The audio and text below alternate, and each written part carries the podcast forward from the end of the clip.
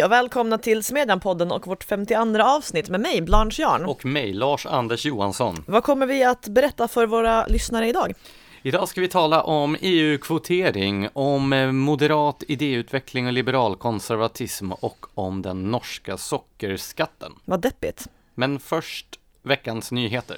Ja, till att börja med så måste vi ju avslöja att vi har utsatt er alla för fake news. När vi förra poddavsnittet sa att det var nästa poddavsnitt, alltså det nuvarande, som var vårt jubileumsavsnitt, så ljög vi för er. Så stoppa undan champagnen igen och vänta en vecka till, för då fyller vi ett år. Jag skulle nog inte säga, det, det var jag som sa det här och jag skulle inte säga att jag ljög, utan jag menar ju att det är det 52 avsnittet som borde vara jubileet. Men du har ju protesterat så högljutt och närmast våldsamt mot detta, så att vi har fått skjuta fram jubileet till avsnitt då 53. Det är avsnitt 53 som är jubileet, men vi ska inte ge oss in på den här diskussionen Vi igen. hade alltså kunnat setat här och firat, men vad gör vi istället? Jo, vi sitter och blickar fram emot nästa avsnitt. Vi vet inte om Ja. det blir något jubileum. Jo, det kommer bli ett jubileum, det blir jättekul, men om en vecka. Eh, Så först veckans nyheter. Ja, vad har hänt i veckan? Du har skrivit in Extin Extinction Rebellion. Vad är Alltså det? det är inte alls lika coolt som det låter. Eh, Du vet de här aktivisterna som gick och la sig och spelade döda utanför riksdagen en plenifri vecka i hopp Nej, om att få uppmärksamhet av DN, vilket jag också fick. Det är Vad det som kallar sig Extinction Rebellion. Alltså det här med att man gör saker utanför riksdagen när riksdagsledamöter inte är där, men att DN alltid uppmärksammar det. Hur hänger det ihop? Nej men alltså jag börjar ju tro att delar av den här eh, demonstrerande miljörörelsen egentligen bara vill ha nyhetsrubriker och egentligen skiter i vad det får för påverkan. För så här, vill man göra något bra för klimatet, då lägger man sig inte i vägen för folk utanför riksdagen. Då så här, ja men man kan ju gå ut och plocka skräp eller tjäna pengar och investera i miljövänlig teknik eller vad som helst. Men så här, sluta vara i vägen i onödan, för det, en, det enda man påverkar då är ju nyhets... Men det här är väl eh, en kopia av ett brittiskt fenomen, eller hur? Där sådana här klimataktivister har klistrat fast sig själva på tunnelbanevagnar för att förhindra att människor åker till sina arbetsplatser. Alltså vilka as! Man är ju en riktigt kass människa om man bara så här är i vägen för andra människor bara för att jävlas. eh, Men det intressanta här är, de har alltså klistrat fast sig på toppen av ett tåg. Ja, av nyhetsrapporteringen att döma och jag försöker se hur det, det är något led här som går mig förbi. Alltså, vi köper då premissen, de är väldigt engagerade i klimatfrågan och de vill göra någonting åt den. Så därför klistrar de fast sig på tunnelbanevagnar och hindrar människor att åka till jobbet. Där, det är ett led här emellan som jag inte riktigt Nej men jag, jag tror jag ser den gröna tråden här. Eh, delar av den här miljörörelsen är ju väldigt mycket emot tillväxt eftersom den anses vara problemet i sammanhanget. Och tillväxt kommer ju av att människor jobbar och producerar någonting av värde. Så jag tänker mig att det vill hindra värdeskapandet i form av människor som åker till jobbet. Ja, för det verkar ju som att det primära målet med den här rörelsen är, eller för den här rörelsen, är att hindra människor att komma till sina arbetsplatser, att gå i skolan och att överhuvudtaget transportera sig någonstans. Ja, Och då är det ju ganska symboliskt riktigt då att klistra fast sig själv. Det bästa vore ju kanske om de här människorna klistrade fast sig själva hemma så att de föregick med gott exempel och inte hindrade andra människor. Fast det är väl det där hindrandet av andra människor kanske då som, som skulle gå, gå förlorat. Samtidigt så är det ju ironiskt att just länder som haft dålig tillväxt har ju varit väldigt dåliga också på att hantera miljöproblem. Jo, men om nu en syfte är att hamna i tidningen så tror jag inte man behöver vara så petig med fakta. Eh, sen har vi ju en ännu sämre nyhet i det att Notre Dame har brunnit. Ja, den världsberömda katedralen, kanske eller förmodligen världens mest berömda kyrka och en av de äldsta och förnämligaste av de gotiska katedralerna som eh, då brann i måndags kväll och det såg ju riktigt illa ut på på de här filmbilderna som man kunde se i realtid från den här branden. Ja, det var verkligen jobbigt att se. Alltså det här är ju en fantastisk kulturskatt som bara brann. Ja, länge såg det ju ut så i rapporteringen som att hela katedralen skulle gå förlorad. Så därför var det ju en enorm lättnad på tisdag morgonen när man kunde läsa att dels branden var släckt och att huvudstommen hade klarat sig. Eh, de två klocktornen hade klarat sig, i stora delar av kyrkorummet hade klarat sig. Mm, Häpnadsväckande nog så hade de här fantastiska handmålade fönstren, rosettfönstren, också klarat sig. Jag fattar inte hur det kunde överleva den värmen. Och till och med eh, orgeln har klarat sig. Och en massa konstverk hade räddats, vissa genom slumpen, som de här kopparstatyerna på taket som hade skruvats loss för eh, ja, inte alls länge sedan för att då restaureras. Och eh, sen en massa konstverk också som då hade räddats genom hjälteinsatser där människor hade trotsat farorna och sprungit in och burit ut dem. Bland annat då eh, reliker som då Jesu törnekrona som påstås förvaras i, i Notre Dame. Och det här har ju väckt eh, väldigt mycket uppmärksamhet och reaktioner av olika former. Alltså väldigt många har ju reagerat som vi och känt starkt inför att den här fantastiska kyrkan har brunnit ner och det har ju blivit en väldigt spännande tävling mellan eh, vissa framstående europeiska modehus om vem som kan bygga upp kyrkan mest. Ja, precis. Det var ju en stenrik mångmiljardär där som eh, genast gick ut och deklarerade att han skulle mm, skänka 100 miljoner euro, det vill säga en miljard svenska kronor till återuppbyggandet. Varvid då en av hans konkurrenter omedelbart gick ut och sa att han skulle skänka 200 miljoner, det vill säga 2 miljarder. Och då hamnade den här första donationen delvis i skuggan. Men nu så är då eh, insamlingen uppe i, ja senast jag läste någonting så var det över 7 miljarder svenska kronor. Ja, då är det ju även människor med lite andra resurser som också har valt att bidra. Alltså jag tycker verkligen att man ska lyfta fram det här som ett positivt exempel på hur rika människor ofta bidrar till samhället istället för att som vänstern gärna formulerar det, liksom parasitera på det. Men... Ja, jag har, fått, jag har sett en del sådana där reaktioner också från vänsterhåll att jaha, när det är en kyrka som brinner, då passar det att samla in pengar, men när det är svältande barn i Afrika, då händer det ingenting. Fast det är ju inte sant. Alltså, det samlas ju in mängder med privata medel varje dag över hela världen till olika former av välgörenhet. Och det är ju sammantaget summor som vida överskrider det här. Det är bara det att det sker hela tiden, så det har inget nyhetsvärde. Däremot så är det ju häpnadsväckande att en insamling till ett kulturminne drar in den här typen av summor. Jag såg till och med någonting flimra förbi i flödet på temat, ska man verkligen bygga upp en symbol för en patriarkal religiös struktur? Där svaret förstås är ja, det ska man. Ja, eh, sen finns det ju andra oroväckande element i detta också. De, eh, franska staten har ju utlyst en tävling till olika typer av, eller olika arkitektfirmor angående att återuppbygga den här spiran som förlorades, 1800-talsspiran som förlorades i, i branden. Och eh, med tanke på hur stora delar av arkitekturetablissemanget ser ut så kan man ju frukta det värsta. Och här får vi väl då hoppas på att eh, fransmännens estetiska konservatism kommer att trumfa arkitekternas vilja att förstöra och bryta ner.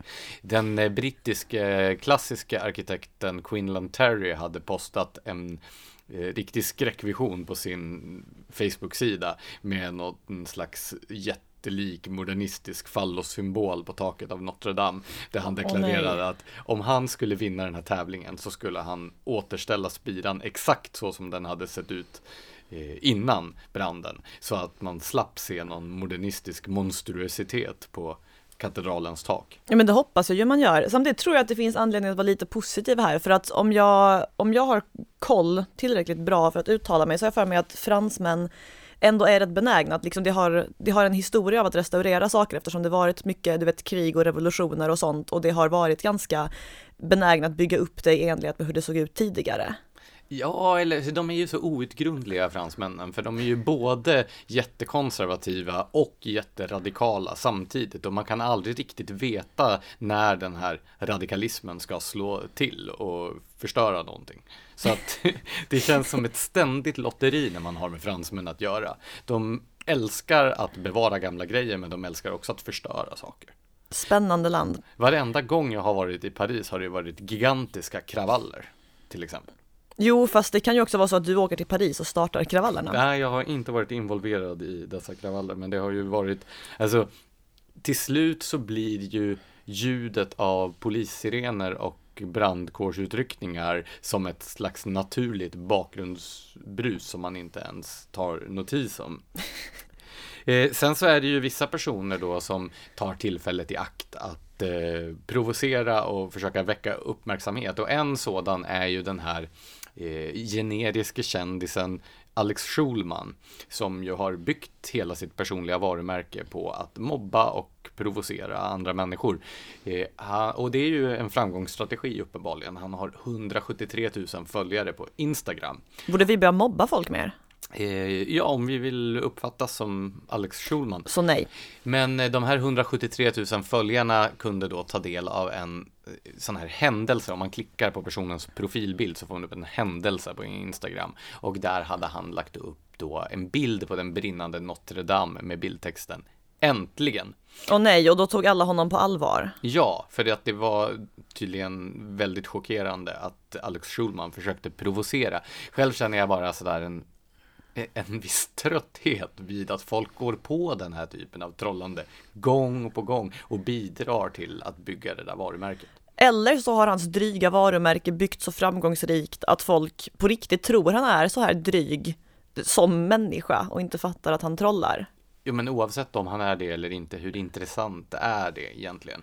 Ja, nej, inte jätteintressant. Ja, apropå höga hästar så har ju Emmanuel Macron lovat att katedralen ska återuppbyggas på fem år. Alltså jag besökte ju nyligen eh, La Sagrada Familia-katedralen i Barcelona som nu har byggts i så många decennier att man knappt kan räkna dem. Den är halvfärdig eller så, den påstås vara klar till 2026. Jag har inget förtroende för att det kommer hända. Och sen kommer Emmanuel Macron stövlande och ska fixa det här på fem år. Ja, nu är det väl inte han som ska fixa det eh, och dessutom så har det väl varit en pengafråga med eh, Sagrada Familia-katedralen. Jo, de delvis det. Råd. Men här verkar det ju i alla fall finnas stash. Där brann ju alla ritningar och modeller i princip bort också. Hatar när det händer. Mm, precis. Sen så händer det ju saker i eh, Moderaterna också. Vi ska ju återkomma mer eh, eh, till det partiet i poddens huvudämnen. Men vi kan väl orda lite om den här moderate riksdagsledamoten och före detta ungdomsförbundsordföranden som har då blivit avslöjad med fingrarna i syltburken. Ja, alltså jag tror det här kom lite som en följd på den här eh, folkpartistiska riksdagsledamoten som fuskade till sig en massa pengar i form av det bidrag riksdagsledamöter kan få för att ha dubbelt boende hemma i där det kommer ifrån och i Stockholm. Eh, hon påstod då att hon hyrde sin mans lägenhet där hon också bodde för 13 000 kronor, vilket inte var helt övertygande. Här har man fått höra så många bud att jag nästan glömmer vilket som är det senaste, men först bodde den här personen över 30 år hemma hos sin mamma och var skriven där. Han har fru... Med fru och barn i sitt pojkrum? Nej, nej, fru och barn är skrivna i en lägenhet i eh... Nej, Fram till 2017, enligt hans berättelse, så ska han ha bott med sin familj hemma hos sin mamma i en villa i Nyköping med fru och barn i sitt pojkrum. Och sen då, från 2017 när han gifter sig, så bor fru och barn i då den bostadsrätt i södra Stockholm som tydligen är hans övernattningslägenhet medan han själv flyttat in i familjens sommarstuga i Sörmland. Det låter som ett jättetrist äktenskap tycker jag. Man jo, gifter sig och det första man gör är att den ena flyttar ut i en sommarstuga och den andra flyttar till en lägenhet. Fast å andra sidan om de nu tillsammans, hela familjen har bott i det här pojkrummet så länge så kanske det är skönt att de får vara ifrån varandra. Men om vi nu, för man ska ju alltid eh, tro det bästa om sina medmänniskor och om vi nu tar den här riksdagsledamoten på allvar så är det ju en djupt tragisk historia som rullas upp. Där sitter han alltså sommarstuga. Den ser inte ens vinterbonad ut. Åtminstone är det ju så att enligt kommunen så har den bara sophämtning på sommarhalvåret. Ja, den har tydligen ingen sophämtning, ingen tvättmaskin eller någonting. Och brevlåda satte han upp först efter att Aftonbladet hade påmint honom om att det kan vara bra att få post hem till sig. Så, så där sitter den här stackars individen ute i en sommarstuga utan sophämtning och funderar. Funderar över vad det stod i breven han aldrig fick. Medan fru och barn sitter och häckar i övernattningslägenheten i Stockholm. Nej, det, det är ju en väldigt tragisk historia. Alternativet, den alternativa tolkningen är ju att han helt enkelt har ljugit om allt sammans och eh, dragit en rövare på skattebetalarnas bekostnad. Men det tycker jag vore osannolikt med tanke på att det här är en person som har drivit på för att det ska införas bidragstak. Ja, och så kan ju inte heller vara fallet eftersom ett flertal eh, personer som arbetar i samma parti som den här personen och är personligen bekanta med honom har sagt att det känner honom och han eh, inte har fuskat. Nej, åtminstone inte med uppsåt. Precis. Så då har vi det avklarat. Ja. Ja, ska vi gå vidare till eh, dagens ämnen? Ja, EU-kvotering har du skrivit om och det har med den här eh, förkättrade sociala pelaren att göra. Ja, jag vet, jag visste, jag visste att den här skiten skulle hända. Alltså, för att börja från början. Språket, Blanche. Jag visste att det här möget skulle hända. Så för att börja från början, 2017 så klubbades den så kallade sociala pelaren igenom. Det är en samling målsättningar som i princip handlar om att EU ska ta makten över eh, medlemsländernas politik på områden som socialpolitik, eh, arbetsmarknadspolitik, familjepolitik. Och vem var det som tog initiativet till detta? Det var Stefan Löfven. Är inte det oerhört märkligt? Jo, med tanke på hans iver att försvara den svenska modellen, som ju inte är förenlig med den här sociala pelaren, så är det faktiskt oerhört märkligt. Eh, tanken är alltså att man ska harmonisera de här politikområdena, som det heter, eh, eh över hela EU och som vanligt så sker harmonisering alltid uppåt mot mer lagstiftning och mer maktförflyttning från individen till staten. Och från staten till överstaten. Exakt, exakt. Eh, och ehm, en, eh, en av sakerna som ingick här var att EU ska verka för en kvoterad föräldraförsäkring. Det formulerades förstås inte så, utan eh, med, med mammor och pappor skulle uppmuntras att dela lika på föräldraförsäkringen. Uppmuntran sker alltså här genom tvång.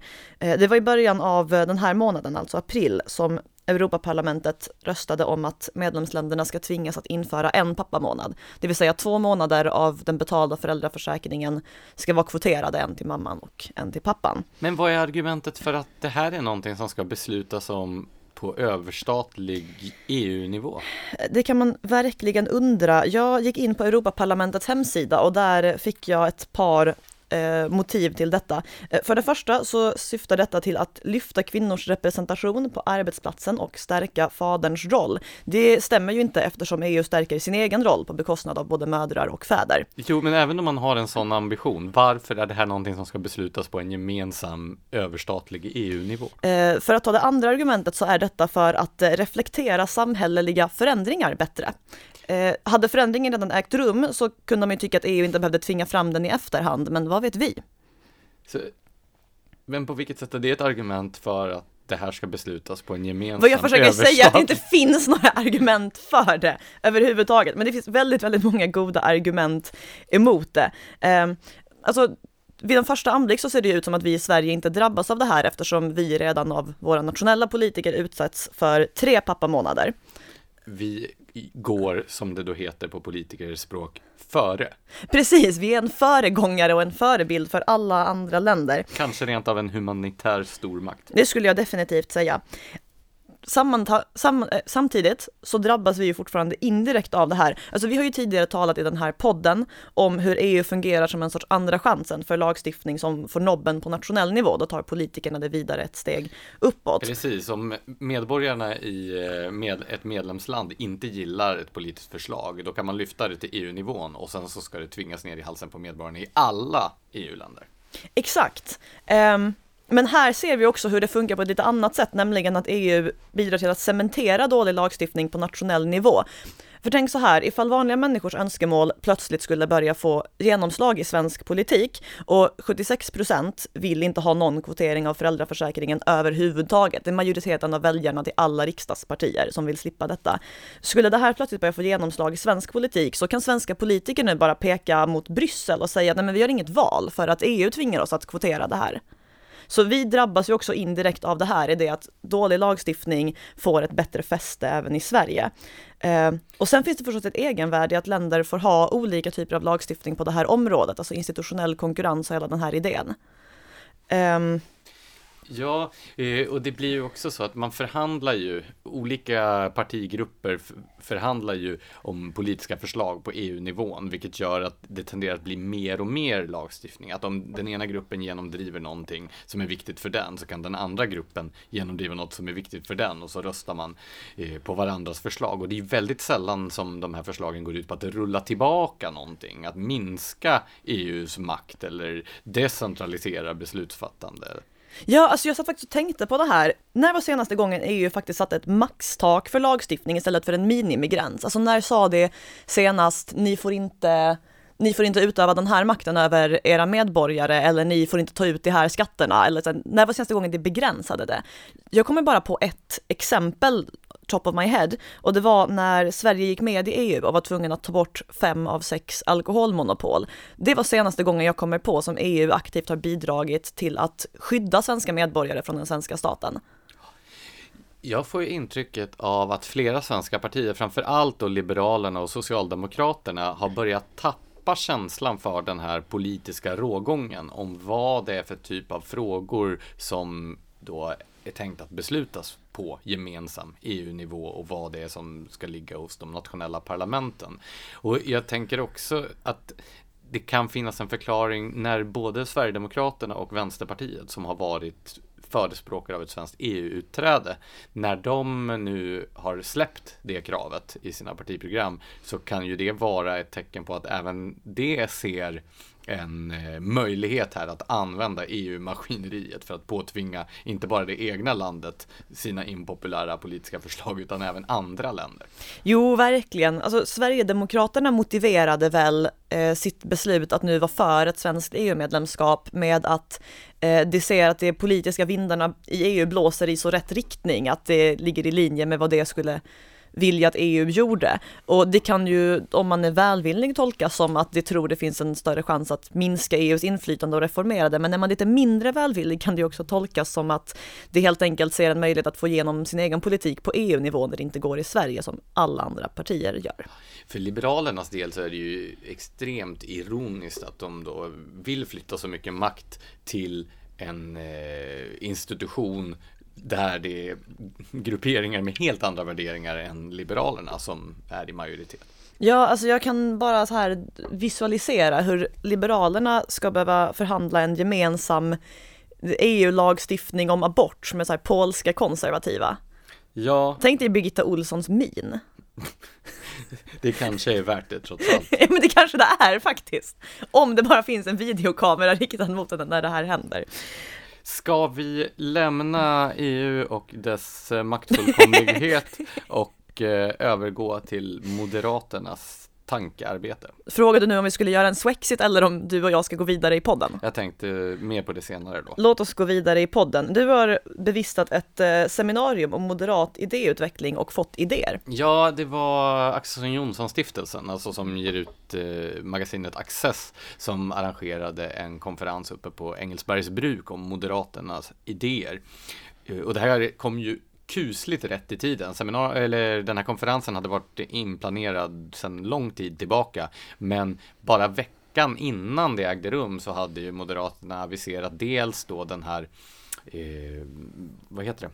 Eh, arbetsgruppen som ska ta fram ett nytt idéprogram eh, under Kristoffer Fjellner med Alice Teodorescu som huvudsekreterare och och eh, dessutom så hade de meddelat att de har tillsatt en integrationskommission där de då har haft en eh, har knutit till sig en rad kloka personer, eh, bland annat Timbros eh, integrationsansvarige Eli Gönder och rektorn för Sjumilaskolan i Göteborg, Hamid Safar. Som även har blivit publicerad i Smedjan. Ja, precis. Och eh, eh, den tidigare folkpartisten, numera moderaten, eh, militären och marinbiologen Kallis Amid. Vilken fantastisk introduktion du gav honom där. jo, men alltså, ger han inte lite intrycket av att vara en supermänniska? Jo, lite. Jag gillar det. Ja, eh, det gör ju naturligtvis alla de andra förträffliga personerna också, men eh, ja.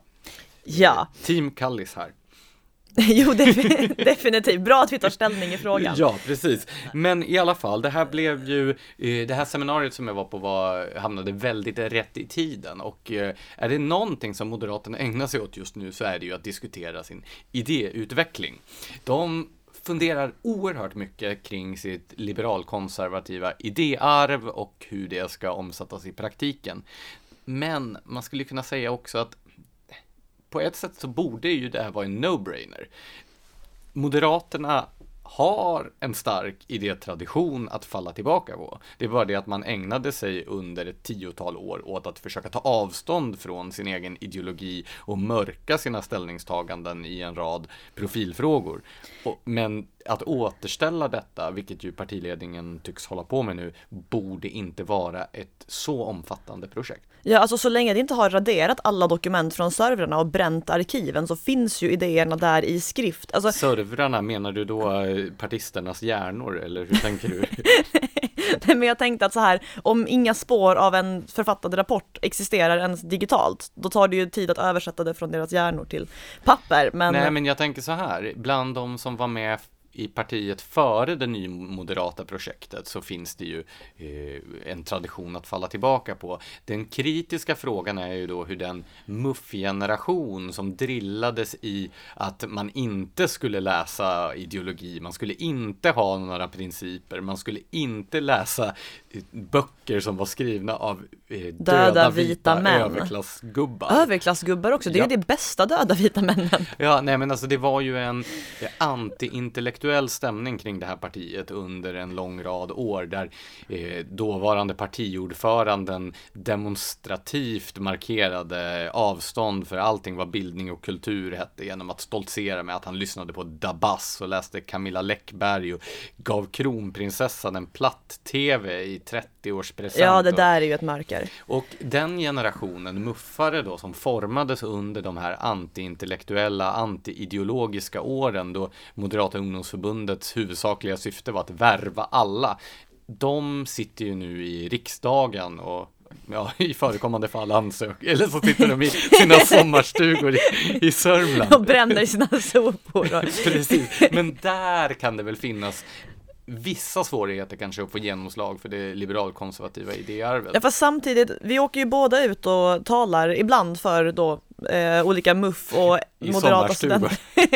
Ibland i olika sommarstugor utanför Stockholm. Nej men alltså, när man åker ut och talar för moderater i den yngre generationen som nu är i ungdomsförbundet eller studentförbundet, då tycker jag ändå att man kan få ett intryck att det finns väldigt många personer med en stabil ideologisk grund och ett intresse för de här frågorna. Så allt är ju inte kört. Nej, det där är ju sant. Inte minst i studentförbundet verkar det ju väldigt lovande, utan det är ju någon slags mellangeneration där, men det är ju de som också har klivit in i riksdagen nu. Men hur som helst, fördelen för Moderaterna är ju att efterfrågan på liberalkonservativa politiska lösningar verkar ju större än någonsin. Väljarkåren, det här har vi pratat om vid flera tillfällen i podden tidigare. Väljarkåren har under de senaste 20 åren konsekvent rört sig högerut och i många stycken så befinner sig de borgerliga väljarna till höger om de borgerliga partierna.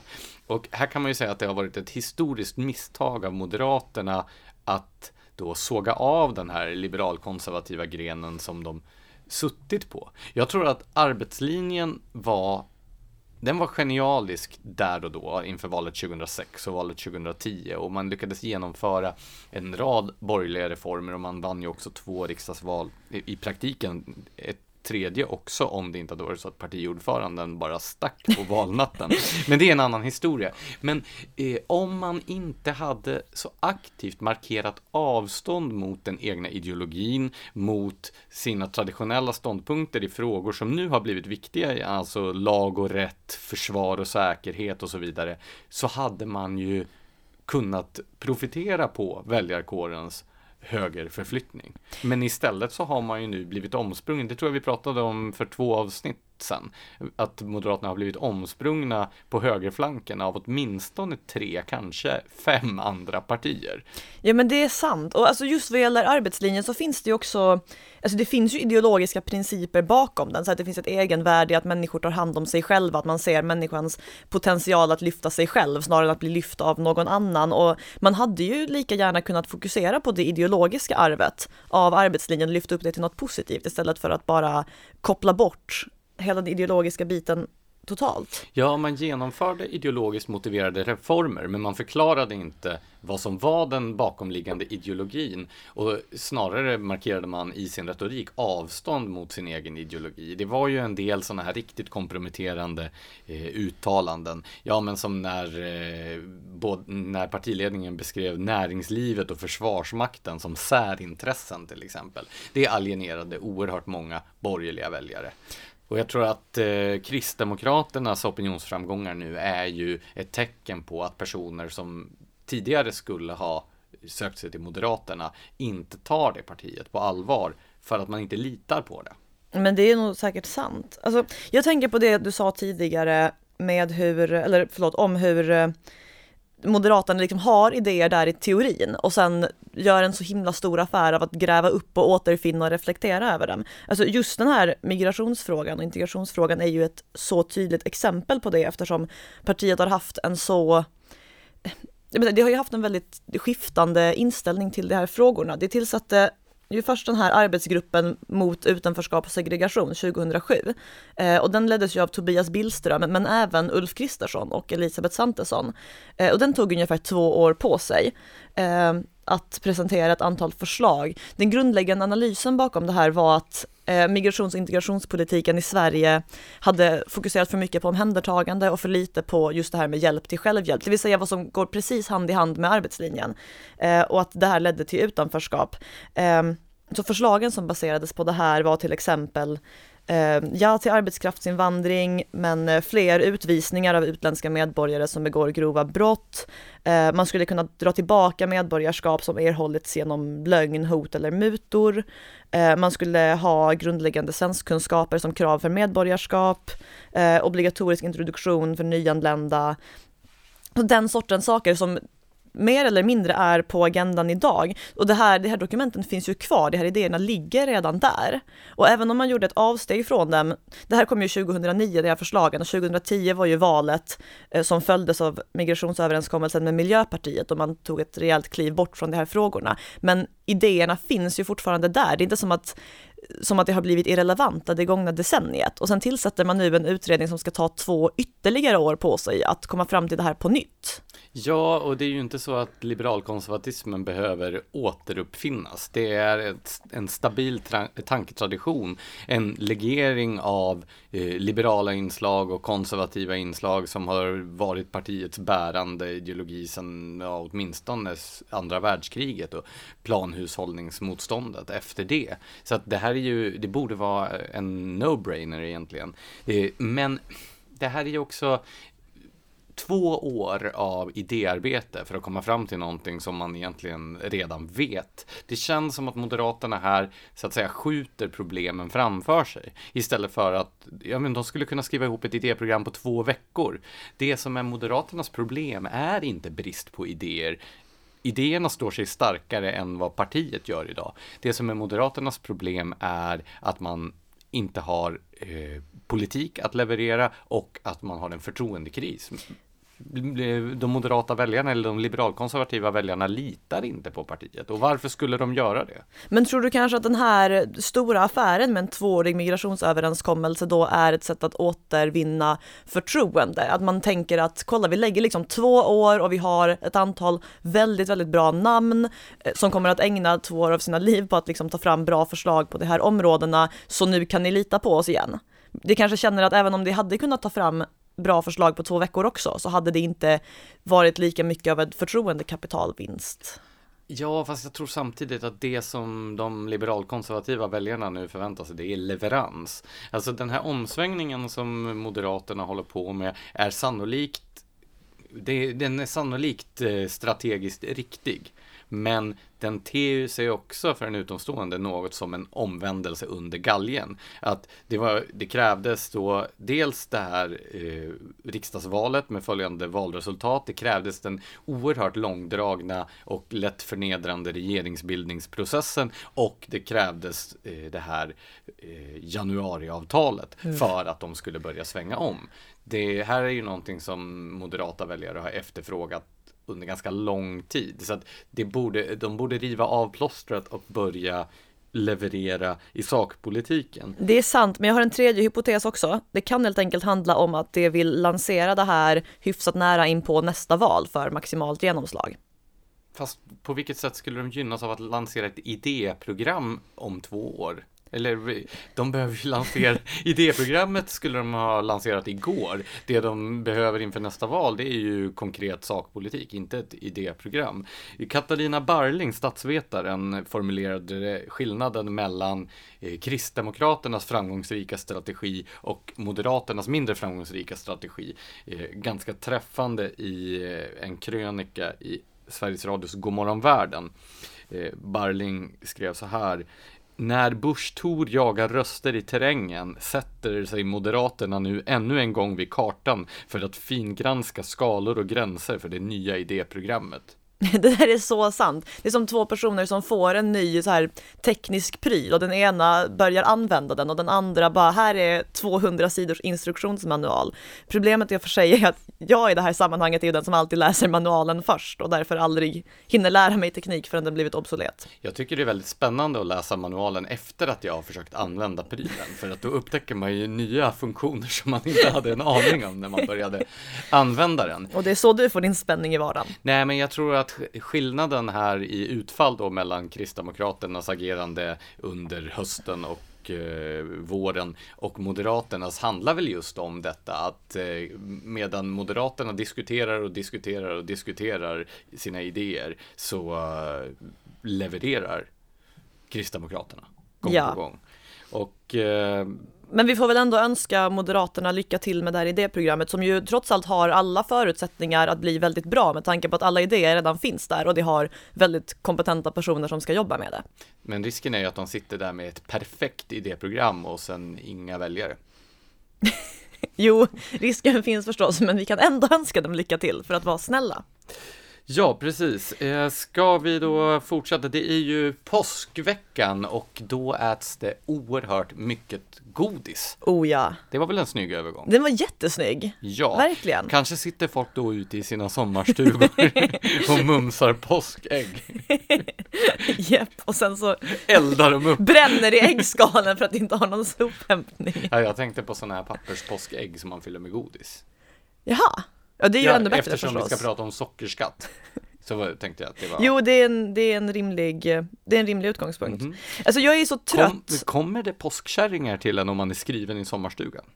Testa att skriva det i en sommarstuga och se vad som händer.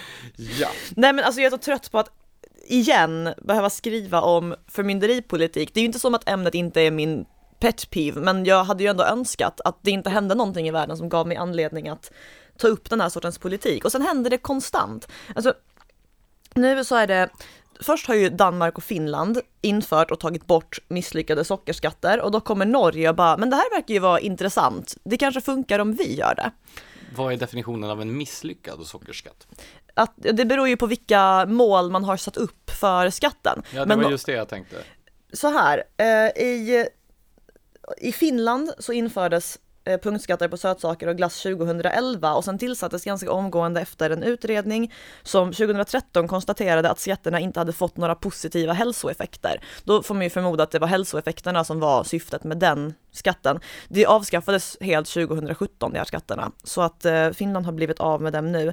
Eh, så syftet var inte att dra in mer pengar till statskassan?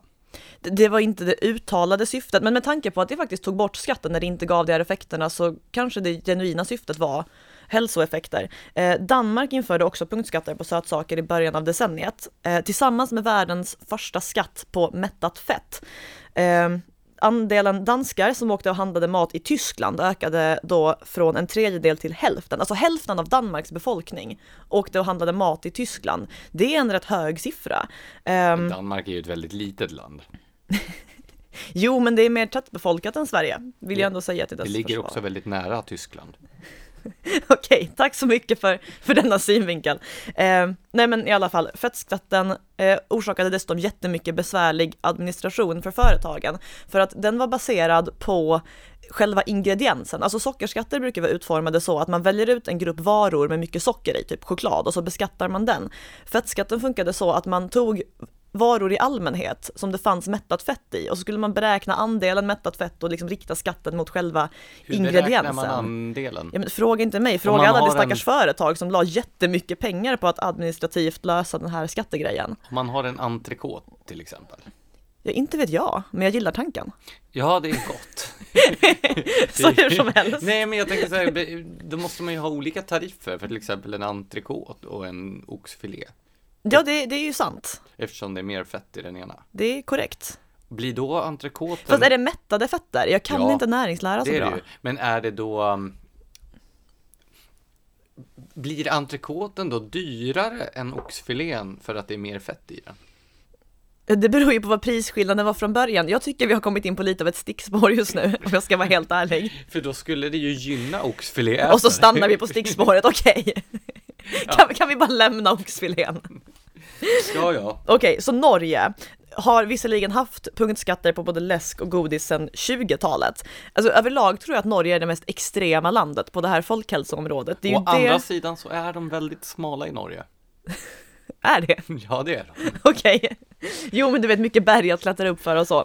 Nej, men eh, det har ju en folkhälsominister, eller hade i alla fall 2016 folkhälsoministern Bent Höie, som eh, sa att godis nära kassan på ICA är terror. det här var också hyfsat nära ett antal väldigt brutala terrordåd, så det var ju ytterst dålig timing att komma med ett sådant uttalande. I och för sig var det här i samma veva som Gabriel Wikström påstod att sitta är bland det farligaste som finns, så vi kanske är lika illa här också. Men hur som helst, den här norska punktskatten på eh, Punktskatten chockhöjdes förra årsskiftet, alltså 2017-2018, med 83 procent på choklad och godis och 43 procent på läsk, så en ganska saftig skattehöjning. Ehm, sen så sänktes skatten på sötsaker igen det senaste årsskiftet, men inte skatten på läsk. Ehm, och så tillsatte man istället en utredning som förra veckan presenterade slutsatsen att skattehöjningarna var ett misstag. Eh, det har nämligen snedvridit konkurrensen på marknaden samtidigt som norrmännen bara har rest över gränsen till Sverige och besökt den blomstrande gränshandeln som förra året slog rekord, förmodligen tack vare den norska sockerskatten. Ja, jag vet ju att till exempel Gäddede uppe i Jämtland blomstrar ju på grund av gränshandeln. Norrmännen som kommer över och köper godis och smör köper de ju också. Fast var inte det en tillfällig grej? Smöret, Ja, det var väl någon smörbrist i Norge och nu har det bättrat jo sig men igen. de har ju också hög skatt just på fett. Så att Åh. det är fortfarande, nej men det är Det väldigt, låter som ett förskräckligt land ju mer vi beskriver det. Det har skatt på allting som är trevligt. fast de är väldigt smala. Och så har de funktionskläder. Hur är det något positivt? Ja, du- borde prova funktionskläder, jätteskönt. Nej, Smidigt är det. aldrig. Nej men det är ju intressant det här att norrmännen genomför den här typen av eh, skatter och lagstiftning som sen kommer att genomföras i Sverige nästan med automatik och så utreder de det, det var ju, eh, och kommer fram till att det inte fungerar. Det var ju samma sak med den här könskvoteringen till bolagsstyrelser som de hade. Ja, kan de inte bara titta på sina grannländer och bara nej, det här verkar inte riktigt funka. Framförallt kan inte vi dra lärdomar av de här experimenten så att vi slipper drabbas av Nej, det. det kommer vi inte att göra. Alltså grejen Och då är menar att, jag inte vi på Smedjan utan då menar jag Sverige som nation. jag förstår det. Ja. Alltså jag börjar nästan, med tanke på hur många av de här skatterna som förr eller senare bedöms misslyckade och avskaffas, trots att det ofta är mycket svårare att avskaffa en skatt än att införa den, så är ju de här skatterna, all, det blir ju allt mer populära i liksom väldigt stora delar av västvärlden efterhand och det gör att man nästan börjar misstänka att det kan finnas andra drivkrafter bakom förmynderipolitiken än en genuin omsorg om medborgarnas hälsotillstånd. Vad skulle det kunna vara för drivkrafter? Jo, det ska jag berätta. Inom eh, tobaksområdet så har detta gått eh, sju resor längre och eh, tack. politikerna blivit lite mer tydliga med vad det egentligen är det ägnar sig åt. Väldigt många av de förslag som har kommit på sistone, då tänker jag både på det här förbudet mot mentolcigaretter och det kommande förbudet mot rökning på uteserveringar, eh, motiveras med retorik på temat att vi måste avnormalisera rökning, eller det är viktigt att vi skickar en signal att vi inte tycker det är okej att röka. Den typen av markeringar. Med andra ord så låter det ju som att politikerna primärt vill ta ställning och huruvida det faktiskt gör någon skillnad är sekundärt. Um, och grejen är att just skatter och regler kring cigaretter är också ett väldigt bra exempel på eh, negativa följder de här ställningstagandena kan få istället för det här önskade positiva.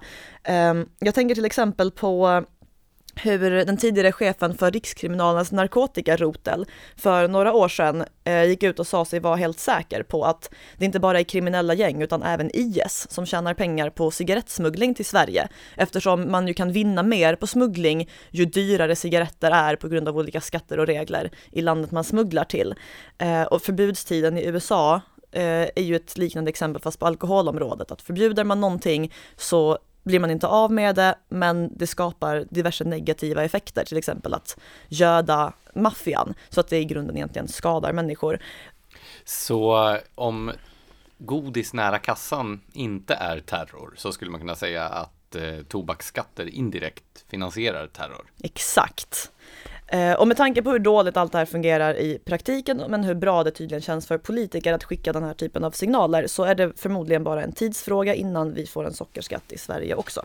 Jag associerar ju till det här citatet som, från Per Albin Hansson som Stickan Ljunggren uppmärksammade oss på i en text i Smedjan och som vi har använt i podden vid några tillfällen. Men att eh, politiker inte ska stifta lagar som medborgarna uppfattar som en förolämpning. Ja, alltså tro mig när jag säger att jag som medborgare uppfattar det här som en förolämpning. Det där kan för övrigt vara det bästa citatet från en socialdemokrat i världshistorien. Jo, men det här säger också så otroligt mycket om förskjutning, värderingsförskjutningarna. Idag så har vi ju ett skattetryck som är många gånger högre än vad det var under Per Albin Hanssons dagar. Eh, vi hade ju i Sverige fram till 50-talet ett lägre skattetryck än vad USA hade. Och om man läser då uttalanden från Per Albin Hansson till exempel vad gäller eh, kulturpolitik eller som i det här fallet eh, förmyndarlagstiftning så framstår han ju närmast som en libertarian vid sidan av dagens folkpartister och socialdemokrater och moderater och så vidare. Ja, alltså baserat på det här uttalandet står han väl till höger om hela borgerligheten, om man tittar på den samtida borgerligheten. Ja, ja, absolut. Alltså det skattetryck som Per Albin Hansson sossar förespråkade var ju liksom en bråkdel av det skattetryck som dagens borgerlighet förespråkare. Så, så... jag hade hellre röstat på Per Albin Hansson än på dagens borgerliga partier. Gud, jag med. Och då kan vi också konstatera att även sossarna var bättre för. Ja, men det var ju någon gång när jag räknade ut, ja men det var direkt i anslutning till riksdagsvalet när jag räknade ut att med alliansens skattesänkartakt så skulle det ta 50 år av oavbrutna borgerliga regeringar för att nå samma skattetryck som var på Olof Palmes tid. Ja, och då har du också tänkt dig att borgerliga regeringar kommer att ha samma vilja att sänka skatten, medan om man tittar på regeringen Reinfeldts tid vid makten så avtog ju också skattesänkarviljan hos Moderaterna väldigt snabbt när de satt i en maktposition. Tyvärr. Och med dessa dystra konstateranden ska vi eh, gå vidare till eh, veckans läsare och lyssnarfrågor. Låt oss göra det. Ja, till min text om Moderaternas idéutveckling så har en Rasmus Vadsten som tydligen är socialdemokrat. Jag vet inte om han är, om han är partist eller bara en sympatisör, men han har i alla fall inkommit med en reflektion som jag nu läser i dess helhet. Som sosse är jag glad över att M nu går tillbaka mot den politik man förlorade valen med 94, 98 och 02. Läget är nu med SD som ett högerparti återigen en höger splittrad mellan konservatism och liberalism och den sprickan går rakt genom M som äts upp av C och SD från varsitt håll. Det där var en målande beskrivning. Ja, det här är ju ett exempel på socialdemokratiskt önsketänkande som jag har stött på i flera olika fall. Och eh, jag menar ju då att den här analysen haltar i och med att för det första så ser ju inte opinionen ut som den gjorde 94, 98 och 02. Alltså, som jag konstaterade tidigare i poddavsnittet så har ju väljarkåren konsekvent rört sig högerut de senaste eh, 20 åren. Eh, han har rätt Vadsten om i att eh, Sverigedemokraterna utgör ju naturligtvis ett bekymmer för de borgerliga partierna i och med att de har fångat upp väldigt mycket av den här högeropinionen. Men att högern skulle vara splittrad med, mellan konservatism och liberalism är ju en sanning med modifikation. Moderaternas problem beror ju på att man har frånhändat sig både sin liberalism och sin konservatism för någon slags allmän ideologilöshet som man nu försöker återställa. Ja, det här har vi ju talat om tidigare, att liberalism och konservatism är inte två skilda skolor, utan det är ju överlappande idétraditioner som ofta har väldigt mycket att vinna på att samarbeta med varandra. Ja, och liberalkonservatismen är ju i sig också en egen tradition med konservativa och liberala inslag. Så eh, Moderaternas eh, arbete med att hitta tillbaka till sin egen ideologi handlar mindre om en splittring mellan konservatism och liberalism och mer då om eh, huruvida man överhuvudtaget ska ha en ideologi eller om man då ska värva alla. Eh, och sen det där med att man äts upp av C och SD från varsitt håll. Ja, det stämmer väl visserligen, men i så fall så skulle jag nog vara minst lika bekymrad över Socialdemokraternas situation här, som ju eh, antingen måste försöka vinna tillbaka mittenväljare från eh, borgerligheten, framförallt från Moderaterna som vann över många socialdemokrater, eller vinna tillbaka då Eh, Eh, det missnöjda och invandringskritiska LO-kollektivet från Sverigedemokraterna eller då vinna tillbaka eh, då revolutionär identitetsvänster från Vänsterpartiet och Miljöpartiet och sådär. Ja, och jag kan också tänka mig många vänstersossar som idag skulle rösta, eller som tidigare skulle ha röstat på Socialdemokraterna, men som efter överenskommelsen med Centerpartiet och Folkpartiet, som ju för vänstersossar uppfattas som högerpartier, kan tänka sig att istället gå till Vänsterpartiet. Så jag skulle säga att Socialdemokraterna är nog lite mer i riskzonen för att bli uppätna av grannpartier. Ja, alltså jag tror eh, för Rasmus Wadstens del att han kanske önsketänker lite när han tror att eh, 94, 98 och 02 ska upprepa sig igen. Varken väljarkåren, Moderaterna eller Socialdemokraterna är detsamma som det var vid de valen. Det är sant. Slutligen så tycker jag vi bör eh, avsluta med att uppmuntra alla våra kära lyssnare, dels att prenumerera på eh, vårt nyhetsbrev och dels att för att kunna prenumerera på nyhetsbrevet gå in på Smedjans hemsida timbro.se smedjan där man kan skriva upp sig på nyhetsbrevet och ta del av massor av alldeles utmärkta artiklar. Ja, precis. På eh, så sätt så kommer ni att få alla Smedjans artiklar direkt i er inkorg varje morgon. Helt gratis är detta och eh, vad vi förstår av den statistik som vi har kunnat följa så är det här uppskattat eftersom öppningsfrekvensen är väldigt hög på det här utskicket. Så prenumerera på Smedjan. Då slipper ni dessutom bli vilseförda av Facebooks fördunklande algoritmer. Exakt, och med de orden önskar vi er en glad påsk.